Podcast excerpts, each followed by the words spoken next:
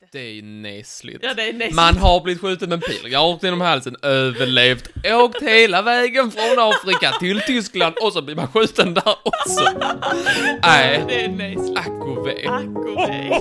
Ack och ve, sa han.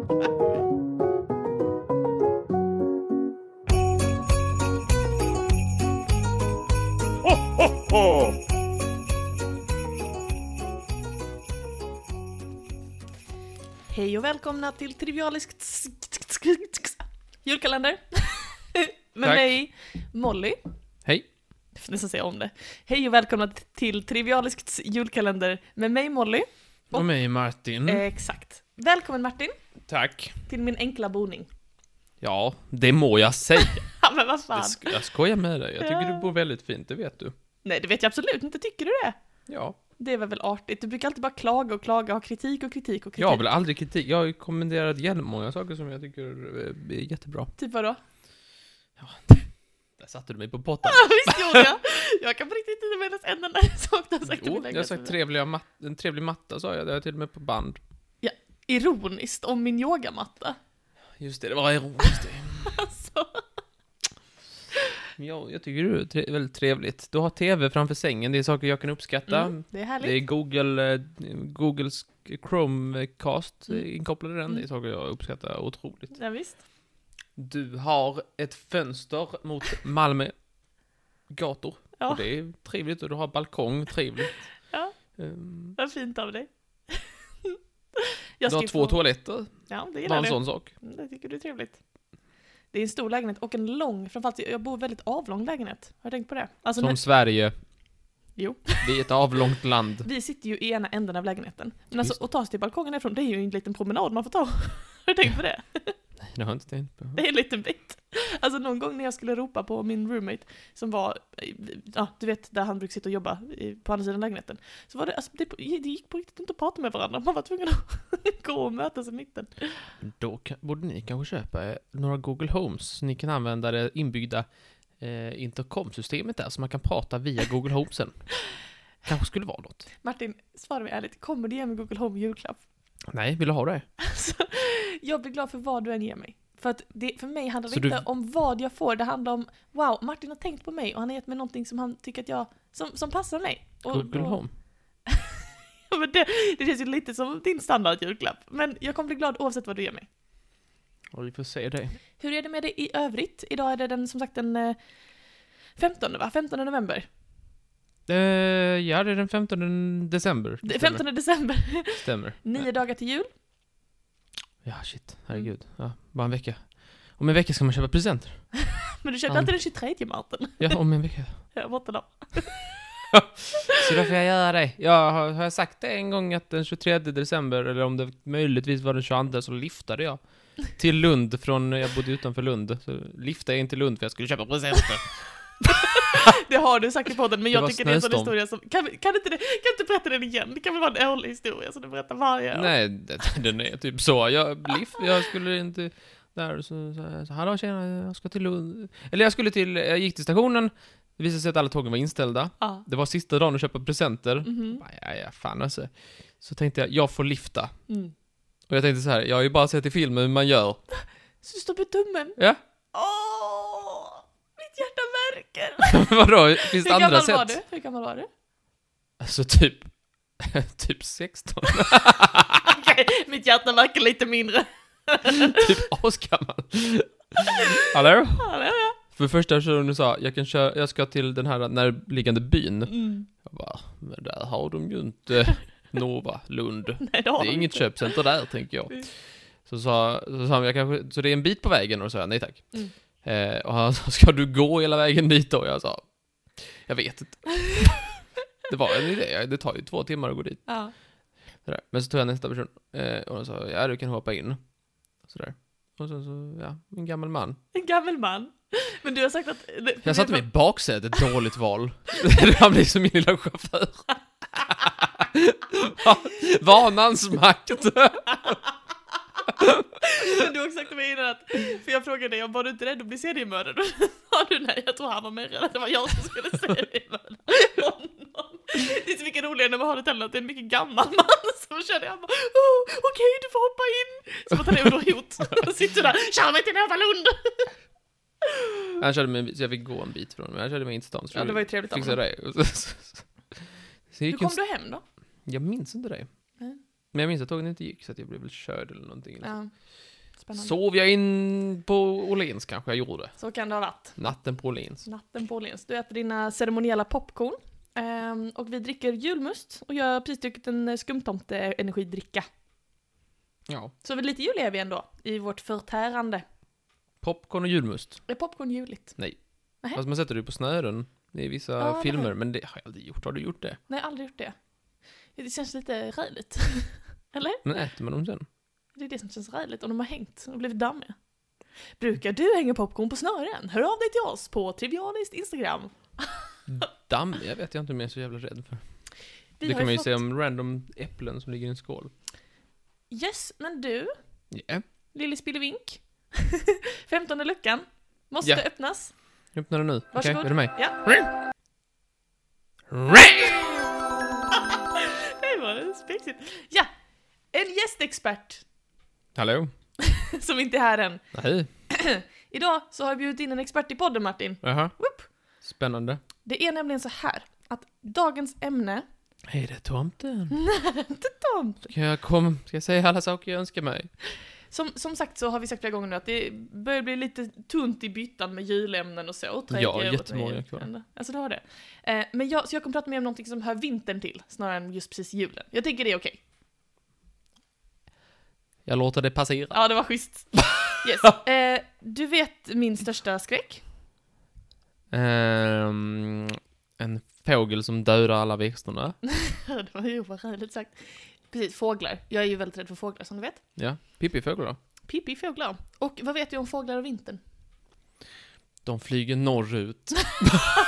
Nej, söder. Visst, de flyger söderut. Och därför, jag tänkte idag att vi skulle prata med en expert på flyttfåglar. När fåglar flyger så kostar det otroligt mycket energi. När de flyger mellan till exempel Alaska och Nya Zeeland, som vissa gör i ett svep liksom. Ett svep. Mm. De tankar inte. Nej, men det motsvarar ungefär som att eh, man skulle springa, alltså att, att vi människor, att vi skulle springa 1200 maraton i sträck. Oj då. Fatta detta alltså. Men övar de innan? Ja, de har övat året innan och så, det har de gjort. Men det är alltså helt sjukt. Och jag tänkte att ehm, vi skulle ringa upp Susanne Åkesson. Hon är professor vid Lunds universitet och ehm, kommer berätta lite för oss om hur flyttfåglar funkar. Är du redo? Jag är jätteredo. Ja, spännande va? Mm. Då ringer vi henne nu. Susanne? Hallå Susanne, det här var Molly från Trivialis podcast. Ja, hej hej. Jag sitter här med min poddkollega Martin. Hejsan! Mm. Hej. Kan du inte berätta lite om det här projektet som ni håller på med nu, med flyttfåglarna? Ja, vi håller på med flera olika projekt eh, när det gäller flyttfåglar, men eh, ett som jag har sysslat med ganska länge handlar om att dokumentera flyttningsvägar och eh, beteenden under flyttningen hos tornseglare, alltså en fågel som flyger nästan hela tiden. Mhm. Och sen jobbar vi också med olika mer så att säga vattenfåglar eller vad man ska säga. Mm. Sjöfåglar, havsfåglar, det är skräntärnor till exempel och siltrutar som vi också följer med olika typer av teknologi. Okej, spännande. Och är det då för, vad är det liksom målet med forskningen? Ja, det är att ta reda på deras anpassningar för flyttning och eh, jag jobbar också med frågeställningar som har att göra med hur de navigerar, alltså hur de hittar under flyttningen och hur deras medfödda flyttningsprogram fungerar. Många fåglar har ett genetiskt program som talar om när på året de ska flytta och hur långt de ska flytta och vilken riktning de ska flyga. Och exakt hur det här programmet fungerar och hur det så att säga justeras mot omvärldsfaktorer som Mm. dagslängd och till exempel jordens magnetfält och annat. Det håller jag på att studera. Oj, vad, vad komplicerat. Har du något Ja. svar då på hur, hur kan det liksom gå till? Alltså det låter ju helt otroligt att det finns en genetisk kod kopplat till jordens magnetfält. Ja, det kan man kanske uttrycka det så. Det, exakt hur den där koden ser ut vet vi inte.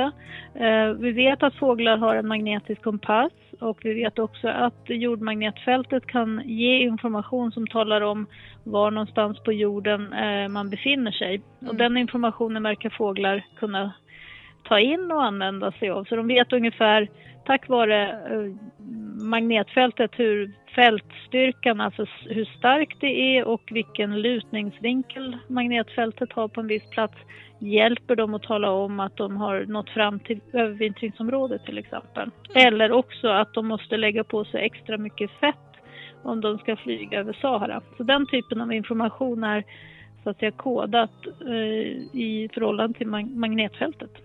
Mm, spännande. Jag har en fråga. Mm. Mm. För klimatet och så har ju förändrats väldigt mycket. Hur, hur länge har flyttfåglar, alltså, eller hur länge har fåglar eh, flugit söderut så att säga? Hur, hur länge har det funnits? Har det alltid funnits? Eller är det någonting som kom vid en viss tid? Eh, Det här med flyttning eller spridning och rörelser hos djur och inte bara fåglar, det måste ha funnits under oerhört lång tid. Jag menar, även dinosaurier rörde på sig och kanske till och med deras miljö förändrades med årstider och så här så att de måste byta plats för att hitta gott om mat och sådär. Och eh, vi har ju, ja det är många miljoner år så många av de så att säga djurgrupper som vi har idag har funnits. Mm. Och eh, man måste nog faktiskt, tror jag, anta att det här med deras flyttning och eh, navigationsförmåga utvecklades väldigt tidigt för att hjälpa de här djuren att hitta tillbaks till platser som är viktiga för dem. Okej. Men Finns det andra Mm. djur än alltså fåglar som, som har de här systemen? Varför en, en, min- mina föräldrars golden retriever har väl inget liknande antar jag? Säkert har din golden retriever eh, en hel del kunskap om eh, hur dofter varierar i landskapet den befinner sig eller inne, ute och på olika platser. Eh, dofter är väldigt viktiga för många djur, eh, alltså däggdjur, eh, men sen så har de förmodligen också tillgång till de här grundläggande kompasserna som vi hittar hos de flesta djur, som till exempel solen, att eh, djur kan använda en solkompass eller att det finns en magnetkompass då. Mm. Okej. Så om den springer bort, ska jag börja och titta söderut? Eh, ja, det är väl en, eh, en bra fråga. Det beror på vad den normalt brukar ägna sig åt, tror jag, var den befinner sig. Men, eh, men eh, visst, man, den har säkert ett visst område som den oftast rör sig till. Om det är söderut vet jag inte. Men Nej, Okej, ja, men det- jag- stora Jag hoppas inte det blir... jag tror inte jag behöver... Mm. Jag hoppas inte jag behöver tänka i det. Men jag har hört talas om att till exempel ålar, ehm, visst är det så att de kan ju simma tillbaka till Sargassohavet och sådär? Eh, är det en Ja. liknande funktion eller?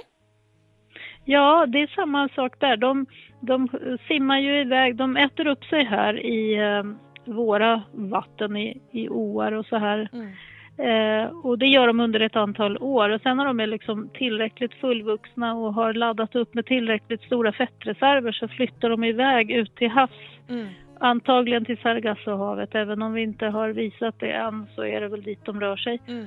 Eh, och där reproducerar de sig. Och Mm. det är det som är så att säga den andra änden av deras flyttning. Dels att de äter upp sig och sen att de så att säga reproducerar sig. Och den typen av flyttningsmönster som kan sträckas över flera år, det finns ju hos andra djur också som många havssköldpaddor till exempel har en reproduktionscykel, alltså eh, som kan ta tre fyra år till exempel. Mm. Och de måste äta upp sig för att kunna ha fett, för att kunna lägga ägg och kanske flytta en lång sträcka där de ska lägga sina ägg då.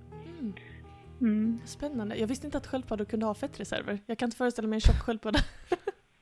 Jo, de kan vara enormt stora och det är bland annat därför som de har varit utsatta för att eh, man samlar in dem på fartyg. Förr i tiden gjorde man ju det och eh, så kunde man hålla dem levande under väldigt lång tid ombord på ett fartyg. Mm. Och det var tack vare att de kunde så att säga eh, livnära sig på sina stora fett, fettreserver. Jaha, gud vad spännande. Visste du det Martin? Mm. Jag har hört om sköldpaddor på, på skepp. Ja. Jag, är, jag gillar sköldpaddor. Martin är lite sköldpaddsexpert. Nej, jag Ja, inte riktigt. jag, jag själv har faktiskt också jobbat med sköldpaddor på Ascension Island som ligger i södra Atlanten. Oj, vad Där, där finns det eh, en art som heter soppsköldpadda på svenska. Mhm.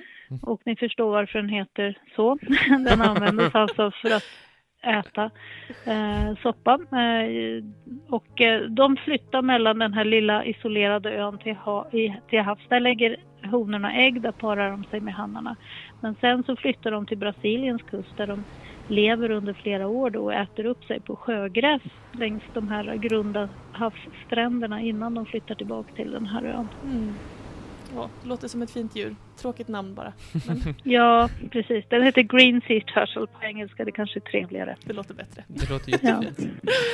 Eh, har du någon till fråga Martin som du vill ställa Susanne? Oh, jag, jag har jättemånga frågor. Ja, berätta. Ehm, jag tänkte på, vad, vad, i den här forskningen som du gör, vad, Mm. finns det någonting som du hoppas att vi människor ska kunna lära oss av detta? Alltså att vi ska kunna, jag vet inte, utveckla någon, någon teknologi eller någon ny tanke? Fin- Finns det någonting som vi kan, du hoppas kunna ta reda på som kan hjälpa oss framåt? Mm. Ja, en sak som eh, vi har visat tack vare att vi har utvecklat egen följningsteknologi, alltså små mikrodataloggar, där har vi tagit reda på att tornseglare som är den här fågeln som häckar hos oss här uppe i Sverige bland annat då under sommaren, de kommer väldigt sent men man hör dem, de är väldigt ljudliga och skriar och flyger över hustaken på kvällarna till exempel. De häckar under tegelpannor på hus bland annat. De flyger Eh, från det att de lämnar häckningsplatsen så kommer de att, att befinna sig i luften och flyga hela tiden i upp till tio månaders tid utan att landa. Det har vi visat med våra, våran forskning. Och att ta reda på hur en fågel kan eh, klara det här, att hantera till exempel nödvändigheten som de också har att de måste sova ibland. Hur, hur går det här till? Eller hur kan de bli så gamla när de är så mycket i rörelse? De blir ju över 20 år de här fåglarna. Mm. Så den här typen av eh, så att säga, kunskap kring fysiologiska anpassningar som möjliggör det här, den här, det här livet. Mm. Där kanske vi kan lära oss någonting som, som kan vara av nytta att förstå till exempel ja, eh, våra egna så att säga, begränsningar när det gäller sömn eller, eh, eller vad det är som är nyckeln till att man så att säga klarar detta Mm. eh, utan att, att eh, kvadda eller att så att säga förstöra sin... Jag menar skulle vi vara eh, i vaket tillstånd under extremt lång tid då till slut dör vi. vi klarar inte det.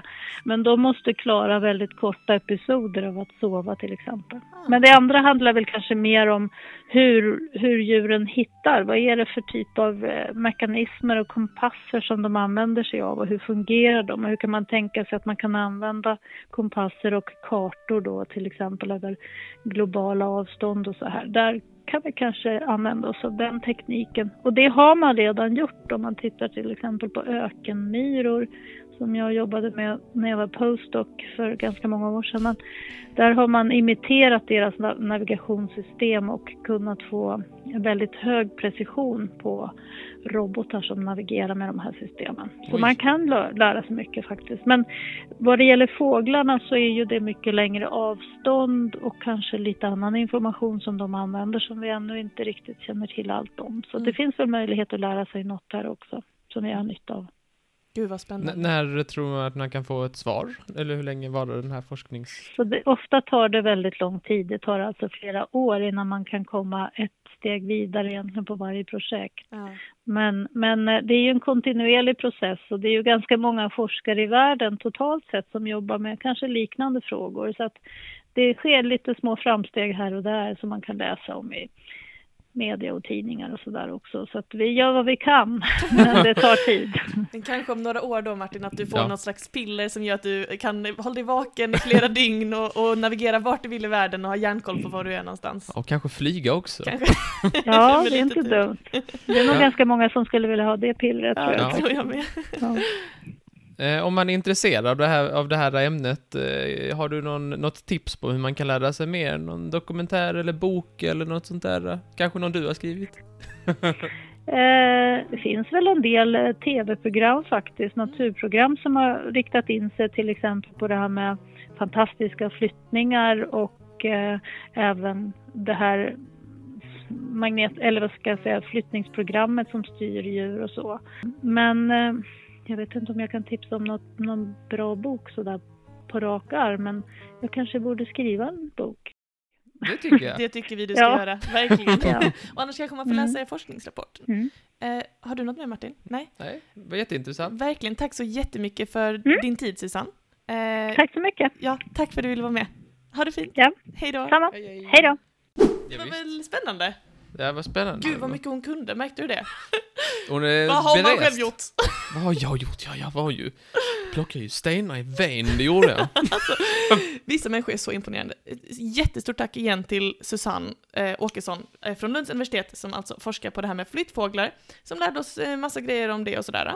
Eh, jag vill bara avsluta den här historien med att eh, berätta lite om, eller en väldigt kort anekdot bara om, eh, du vet, ehm, att, folk, att, att fåglar flyttar söderut. Alltså det grundläggande antagandet för Susanne och hennes kollegors forskning nu, att Mm. fåglar flyttar söderut på vintern. Ja. Det är ju någonting som inte alltid varit självklart. Nej.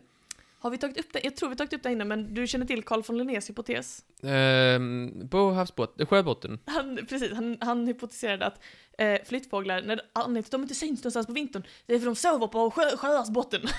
de går i det där, lägger sig ner. Och det är så vattenlevande. Hur tänkte han? Alltså tänkte han vasstrå? Upp så andas? Eller Men att de snälla, fick gäla? Vi kan inte döma 1700-talets människor med våra moderna ögon. Nej, självklart. Men, Det- eh, Skulle han säga så här, ja, de åker i tio månader i sträck ner till Afrika. utan att ställa. Det Men- blir nästan lika otrovärdigt. Men vet du hur man först insåg att flyttfåglar faktiskt flyger söderut? Ja, Vet du det? men jag, jag, jag, tänkte också prata om detta. Jaha. Vad tradigt. Nej, vad tradigt. Har jag sabbat det helt nu då? Nej, alltså jag tänkte inte prata om det idag. En gång, jag har glömt när, för jag inte Ja. det nedskrivet. Men det var när en stork landade i Tyskland med en hel afrikansk pil genom Ja, halsen. det är den, det är det jag tänker. Och Gud, ta det lugnt. Det här var, jag gissar, 1800-talet kanske. Mm. Och att då, ehm, då insåg man att mm, den här pilen, det ser ut som den som vi har stött på i Afrika också. Och det var då man insåg att den här storken måste ha varit i Afrika. Överlevt så pass länge att den har flugit från afrikanska kontinenten hela vägen upp till Tyskland och överlevt med en pil rakt genom halsen. Ja. Och det är det som är nyckeln! till att vi inser att det finns flyttfåglar. Ja, men jag tror de sköt storken, att, och det var då de märkte pilen. Just det. Det är ju nesligt. Ja, det är nästan. Man har blivit skjuten med en pil, rakt genom halsen, överlevt, åkt hela vägen från Afrika till Tyskland och så blir man skjuten där också. Nej, Det är näsligt. ack och ve. Ack och ve.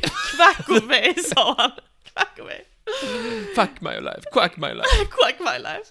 Ja, men det var bara eh, dagens avsnitt om flyttfåglar. Tack så hemskt mycket för att ni lyssnade och tack igen till Susanne Åkesson från Lunds universitet. Susanne, Tack Susanne. Vi hörs igen imorgon Martin. gör vi. Ha det bra. Hej då!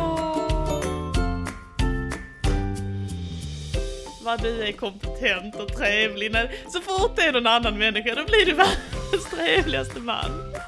Det var väl spännande?